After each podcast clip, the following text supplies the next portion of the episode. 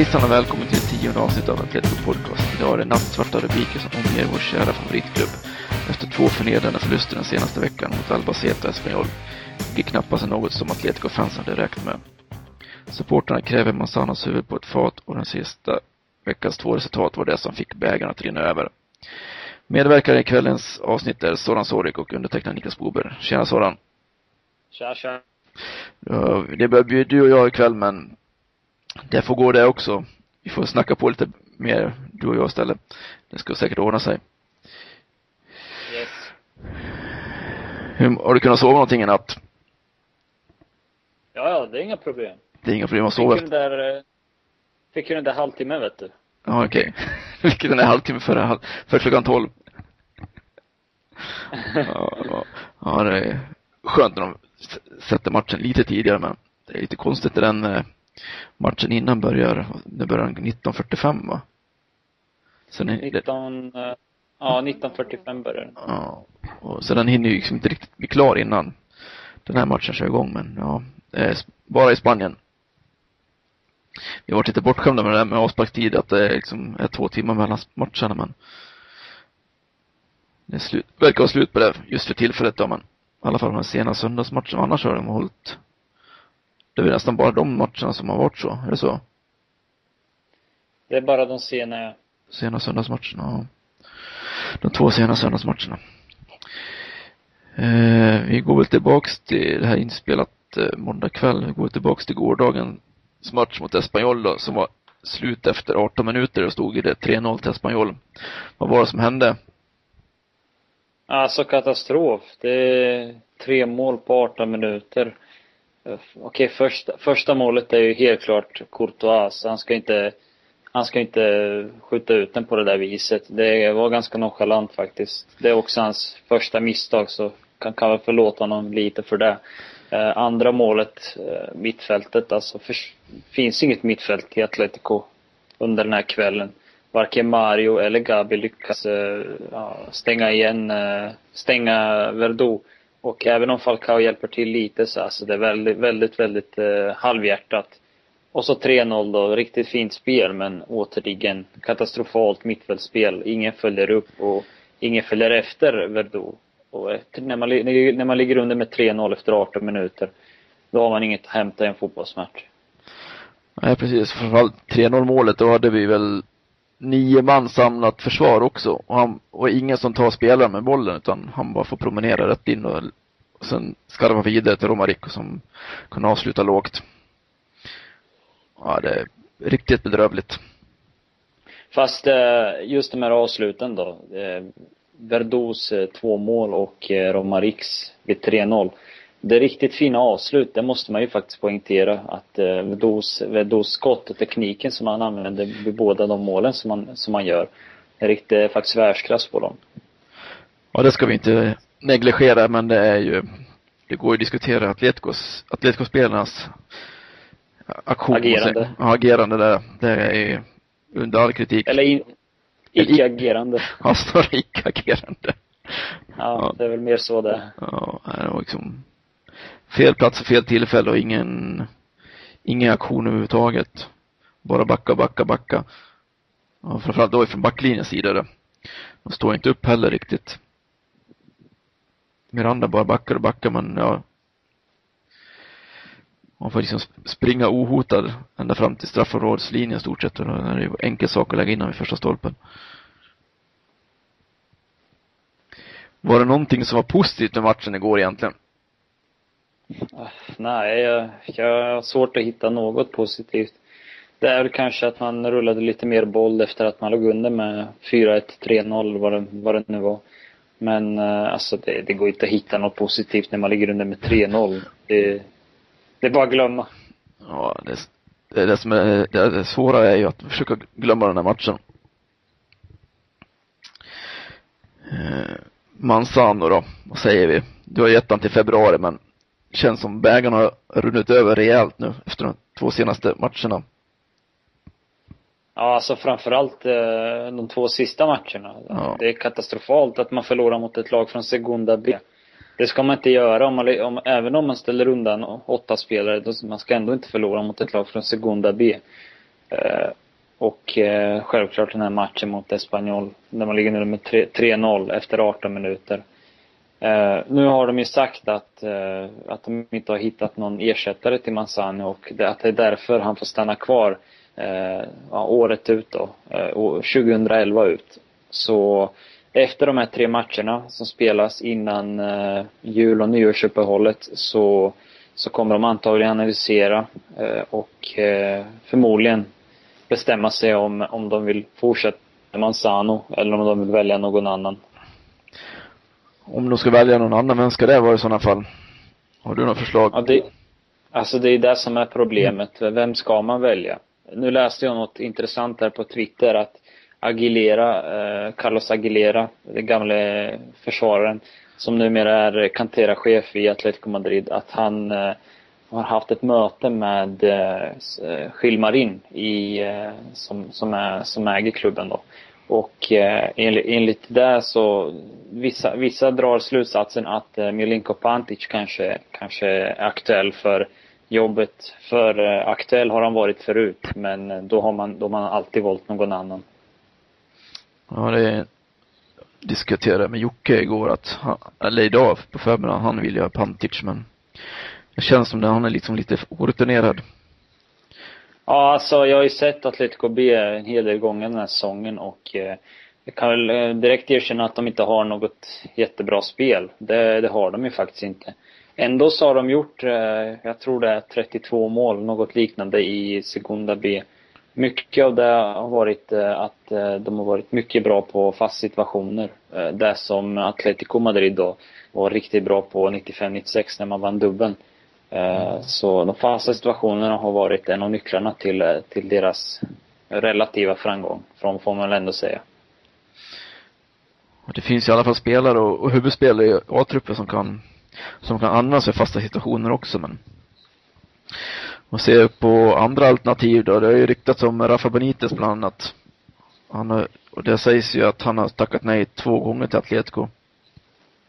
Någonting du har hört? Ja, det, det är inget som jag har hört så direkt. Eh, det är väl kanske någon lite mer spekulation som Pantic men att, att jag tror att han skulle vilja ha betydligt mer pengar och att han skulle vilja ha betydligt mer makt. Eh, så det är därför han antagligen har tackat nej till Atletico Madrid tidigare.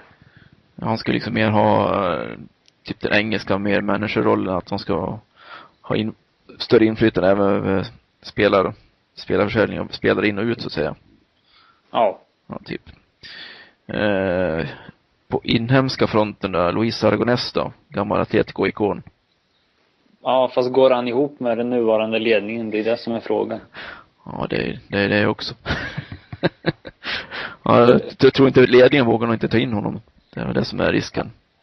Ja, för om, om de tar in honom så, så kanske han sviker sen genom att jobba, återigen jobba för de här eh, Skilmarin och Cerezo som eh, fansen då är, är så starkt emot. Och eh, Luis Aragonés är en så stark person, så stark, eh, han är ikon i klubben. Så jag vet inte riktigt om han vill förstöra sin status i klubben. Ja, det är både och det där också. Två sidor av ett mynt det där om. Samtidigt kanske kärleken till klubben gör att han tar hand om, tar, tar jobbet också. Men det, det är ju bara spekulationer. Har du några mer namn som har? Det är bara spekulationer. Har du mer namn som har surrat? Ja, det, det är väl de. Pantic, Aragonés, eh, Benitez. Eh, vissa kanske uttrycker att de vill ha Pantic, men det är mer, det är mer uh, Antic, Radomir Antic. Men det är mer önskningar skulle jag tro. Ja, tjej, han är ju också ledig, men svårt att tänka mig att han skulle, ja, chansen finns ju, men jag har sett honom ganska ofta på Atletico B's matcher. Eh, när jag har kollat på Telemadrid så, så har de ofta zoomat in honom tillsammans med hans fru när han sitter där och när han tittar på när eh, Pantic, en av hans gamla adepter då, som eh, spelade under hans tid, eh, tränar Atletico B. Så man vet aldrig. Nej, precis. Undrens tid är inte förbi. Eh, var det något mer om, eh, innan vi lämnar Espanyol och Manzano? Alltså, Espanyol-matchen, balansen var ju katastrofal. Det fanns ingen som helst balans i laget. De två defensiva mittfältarna, de som skulle agera defensiva mittfältare, Gabi, Mario Suarez, de höll helt enkelt inte, de var helt enkelt inte tillräckligt bra i den här matchen. Och jag tyckte att jag såg direkt att Mario, nej det här kommer inte hålla. Redan på försäsongen kändes det som att, som att han inte skulle hålla i, i ett lag som Atletico Madrid med dess ambitioner. Och när man tittar på laget så måste man ju, man måste ju börja spela in Kåke, man måste börja göra lite förändringar för det går inte att fortsätta med samma spelare eh, när de, när de fortsätter prestera på samma, samma vis. Nej, det är flera spelare som, det är inte bara Gabi och Mario, jag tänker på Pereira också som gör den ena plattmatchen efter den andra. Han var ju riktigt usel ja, igår. verkligen. Riktigt usel igår. Han var ju indirekt inblandad i två av de, ja, nästan alla fyra målen igen. Eller alla sista tre målen i alla fall. Första målet hade väl inte så mycket kunnat inte så mycket han kunde göra men andra målet så nickade han inåt i planet till ingen, eller till Verdo egentligen då. Det fanns ingen som hade den ytan eh, täckt så att säga.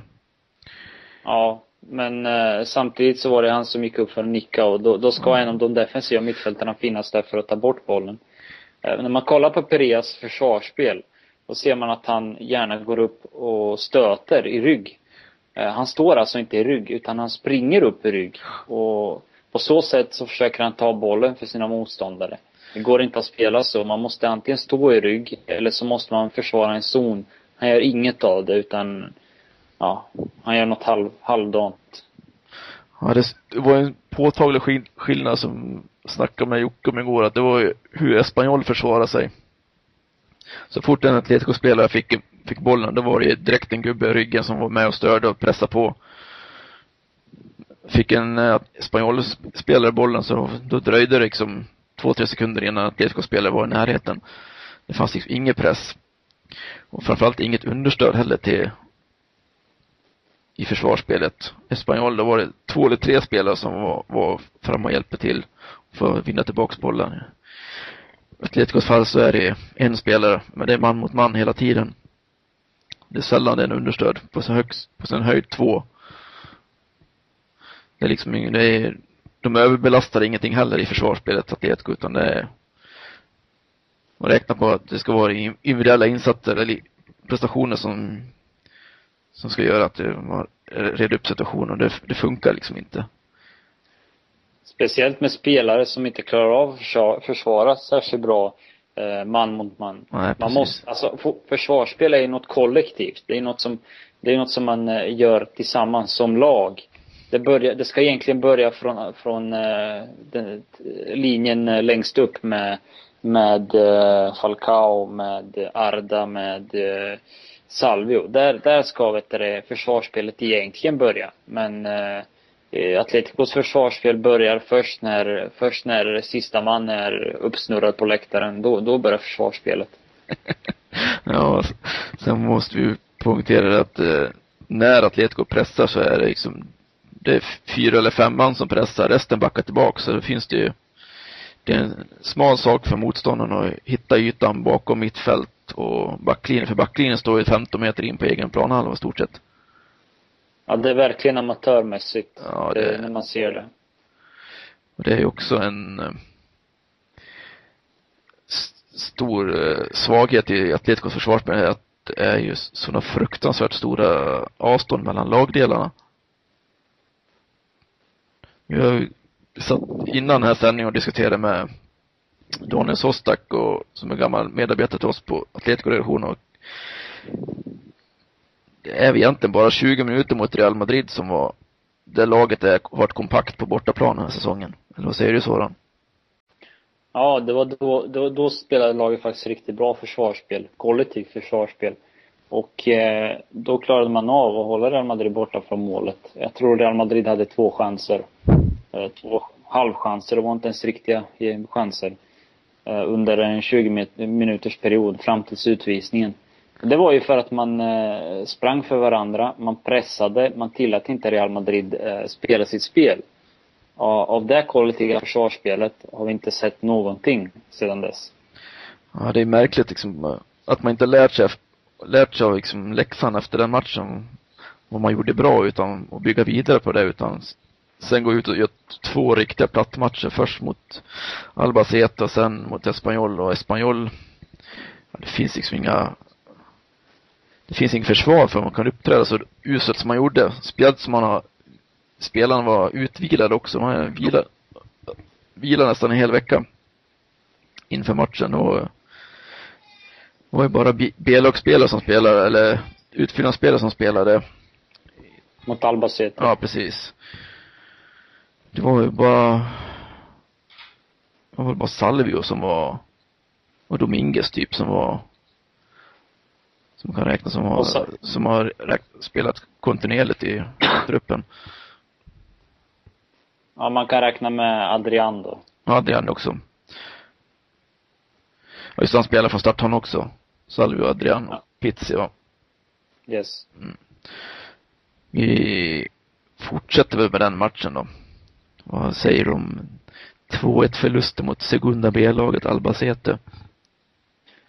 Ja, först och främst ska vi ha klart för, att, för oss att eh, Melinko Pantic, eh, Atletico B, de spelade oavgjort mot Albacete. 1-1 för kanske två månader, en eller två månader sedan. Att Atletico A då inte, seniorlaget inte kan besegra eh, Albacete på, på bortaplan eller åtminstone få ett oavgjort resultat. Det är ju, det är bara beklagligt. Ja, framförallt som de var eh, de spelade inte bra en gång, utan de var inte ens med i matchen heller kändes det som. Det var liksom Albaceta som, som ville mer. Atletico-spelarna såg mest ut som ville sätta sig på bussen och åka tillbaka till Madrid i stort sett. De hade liksom inga, inte, inga intentioner överhuvudtaget med att gå in för den här matchen. Men då hade Manzano innan matchen sagt att man siktar på kuppen att man tar det seriöst och ska inte liksom gå på någon mina så här i början för det är då, då överraskningarna sker men lik förbannat så, så sker det. Men alltså, för, själva spelet. Eh, det fanns ingen som helst intensitet, ingen som helst idé i spelet eh, mot Albacete. Spelarna verkade knappt bry sig i den matchen. Första halvtimmen så var Atletico helt utspelade av Albacete. Albacete, deras taktik var mer eller mindre att pressa högt. Och när man pressar högt så ska man skära av eh, Atleticos centrala, centrala mittfält. Och det lyckas de hur bra som helst med. Det vart ju bara långbollar. Och eh, när man, ja, och när man då, när man då har eh, Javi Manquillo och Antonio Lopez på kanterna. Nu ska jag säga att Javi Manquillo var kanske lagets bästa spelare i den här matchen och han är ändå bara 17 år gammal. Så så blir det, alltså det blir inte lätt. Det blir inte lätt. Det, det blir så att eh, Kåke försvinner helt ur matchbilden. Han får ingen, han får ingen boll. Och eh, han kan inte distribuera, han kan inte göra det han är bäst på. Paolo Assensao, katastrofal den fotbollsmatchen. Han, jag vet inte hur mycket boll han tappade. Det, det, ja, väldigt dåligt var det i alla fall. Ja, framförallt Kocka försvann ju helt ur första halvlek. Andra halvlek då fick när Atletico låg på, då fick han ju lite mer bollinnehav då. Fick styra lite mer, men första halvlek, den syntes inte till. Man tycker ändå liksom, trots att inte spelarna har fått någon matchträning, att det, de borde vara mer motiverade än vad de var också. Som kollektiv. Speciellt som det var många, jag menar hela backlinjen det var egna produkter men det verkar liksom inte, de har glömt bort vilken klubb de spelar för. Eller så tror de att det räcker att ställa ut skorna ändå. Ja, det var ju uppenbart att de trodde att man kunde ställa, ställa ut skorna trots att de bevisat så många gånger att det inte går. Uh, en spelare som väl, alltså som verkligen inte är på samma nivå som förra säsongen, det är Salvio. Salvio var ren och, skär, ren och skär katastrof i den här fotbollsmatchen. Ja, det var, ja, och sen har du ju Antonio Lopez, så gör vi inte många glada han heller. Och ändå är han liksom kapten i, i laget. Alltså hela vänstersidan var ju katastrofal. Antonio Lopez och Dominguez, det var som att det var ett stort hål på vänsterkanten. Och så fick eh, Polido springa, springa över på vänsterkanten. Han fick vara vänsterback, han fick vara vänster mittback. Mankio fick vara höger mittback för att Polido var på vänsterkanten. Eh, Mankio fick också ta bort bollen framför fötterna på, var det Kurto eller var det Kaje? Jag tror det var Kaje. Så de, varken Dominguez eller Antonio Lopez eh, var särskilt bra den här matchen. Nej, det var ren skär katastrof för de som trodde man skulle ta, få chansen här, men det var ingen av dem som tog chansen. Ja, Polido möjligtvis. Jag, jag kan väl säga Polido att... och eh, Mankio.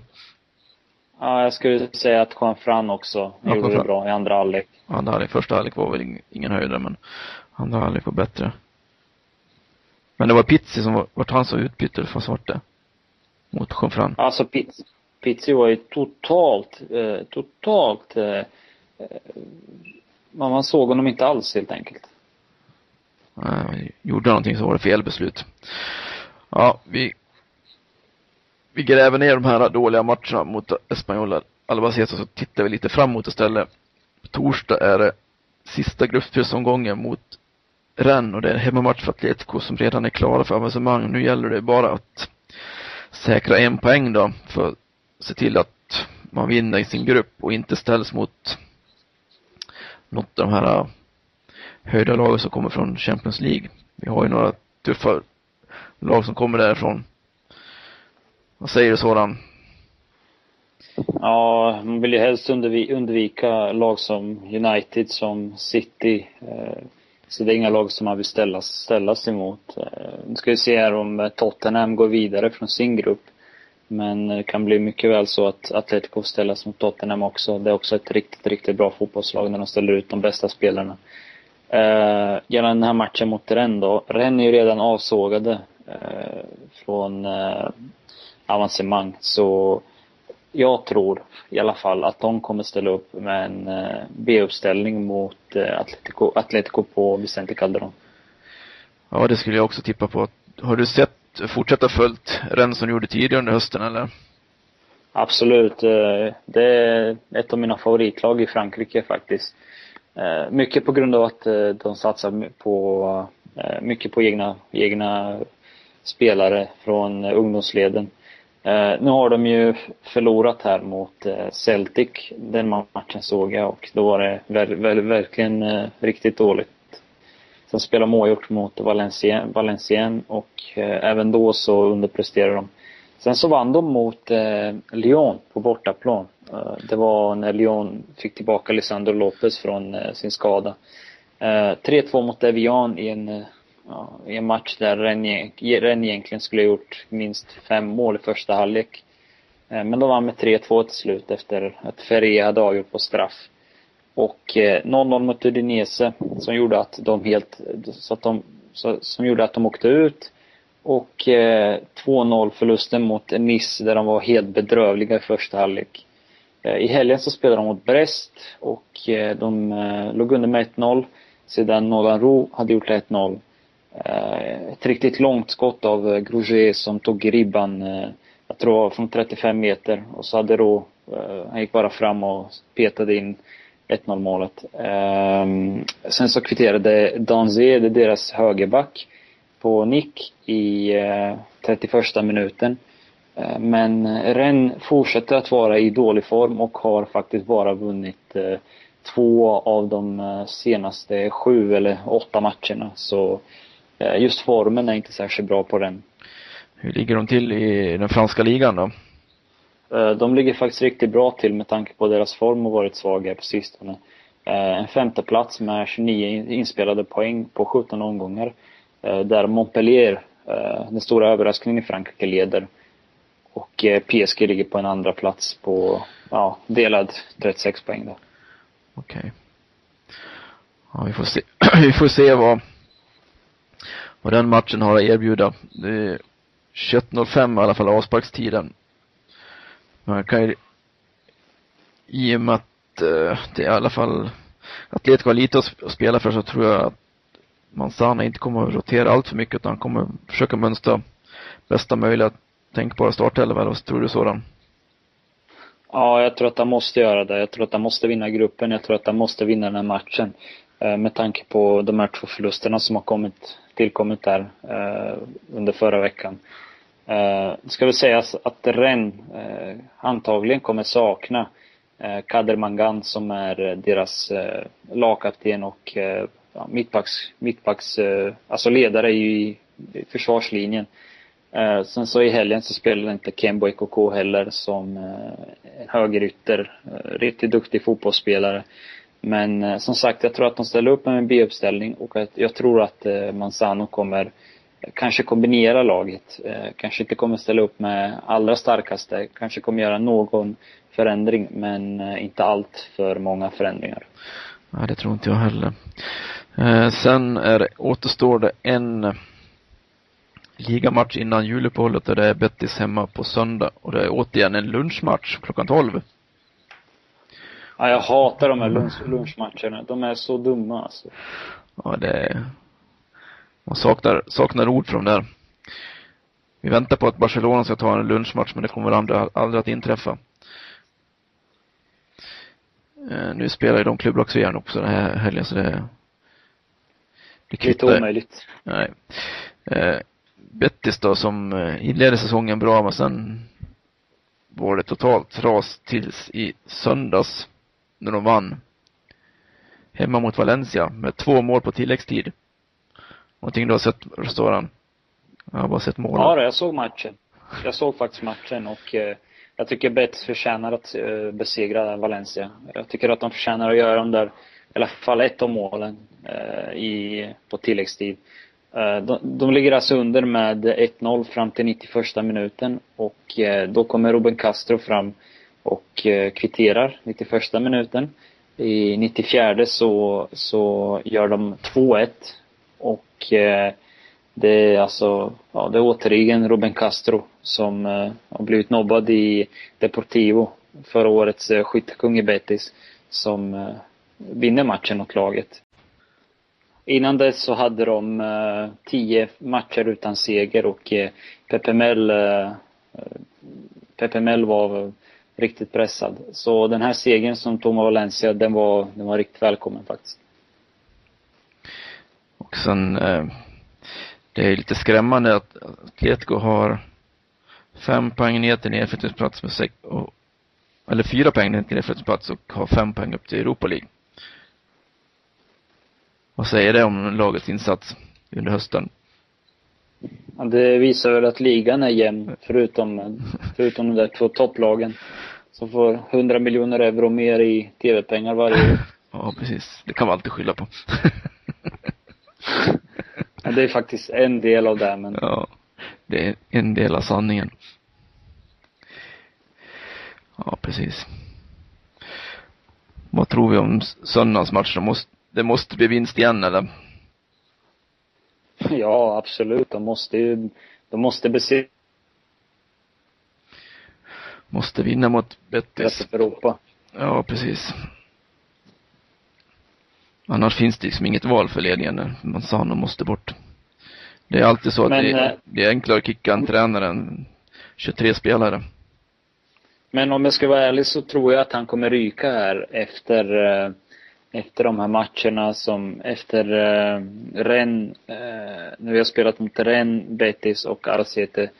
När vi har spelat de tre matcherna så tror jag att han, han ryker nog eh, eh innan eh, nyårsskiftet. Om man nu inte har plockat nio poäng i de här, de här matcherna. Ja, tre vinster är väl det enda som kan rädda livet på honom. Livhanken på, eller ja, hans anställning i alla fall. Livhanken kanske få bolla i alla fall. Ja, ska vi tacka för, har du något mer då? Alltså det skulle väl vara att alla tre matcherna är på hemmaplan också så med tanke på Atleticos hemmaform den här säsongen så är det mycket möjligt att Atletico kan vinna alla tre matcher. Och eh, Manzano blir kanske således kvar i klubben. Vi har en sak till vi kan snacka om också. Det var som Daniel snackade om att Manzano som har ju varit i klubben tidigare och då, även då så var Atletico ett starkt hemmalag. Och eh, de var dåliga på bortaplan då också, men inte riktigt lika dåliga som de är den här säsongen. Då tog de i alla fall 17 poäng på bortaplan. Säsongen 2003-2004. Och det var, det är ett scenario som upprepar sig även i hans andra klubb, att ta bara Mallorca som till exempel. Som ett färskt exempel, om går två, två säsonger tillbaks när de tog 15 vinster på hemmaplan och bara vann tre på bortaplan. Så det verkar ju vara något Manzano-syndrom det där, att man är bra hemma men riktigt usla på bortaplan. Är någonting som du har reflekterat över så då? Absolut. Eh, det var kanske det första jag tänkte på när, när Manzanos namn kom upp efter att de inte lyckades, efter de inte lyckades eh, knyta åt sig varken Caparos eller Benitez i somras. Det var väl att Hemma kommer det att gå bra, det är jag helt säker på. Eh, men på bortaplan är jag betydligt mer skeptisk och det har precis så det har blivit också. På bortaplan har Atletico Madrid tagit en enda poäng i ligaspelet. Har en seger i eh, Europa League och en oavgjord mot Rennes. Det var verkligen på håret mot Rennes också. Så ja, det, bortaspelet är, ja, det är katastrofalt, bortaspelet. Ja, det, det saknar motstycke. I den den här historiskt framgångsrika klubben. Med de orden får vi tacka för idag då, säger, säger du så? Är du nöjd? Ja, det kan vi, det kan vi göra. Ja. Det, jag, jag, blir bara nöjd om, om de lyckas ta tre raka segrar nu innan jul och nyår, nyårsuppehållet. Ja, det är det enda vi önskar oss i julklapp, eller vad säger du? ja, det får vi nog, får nog hoppas på det. Ja. Ciao. Hej.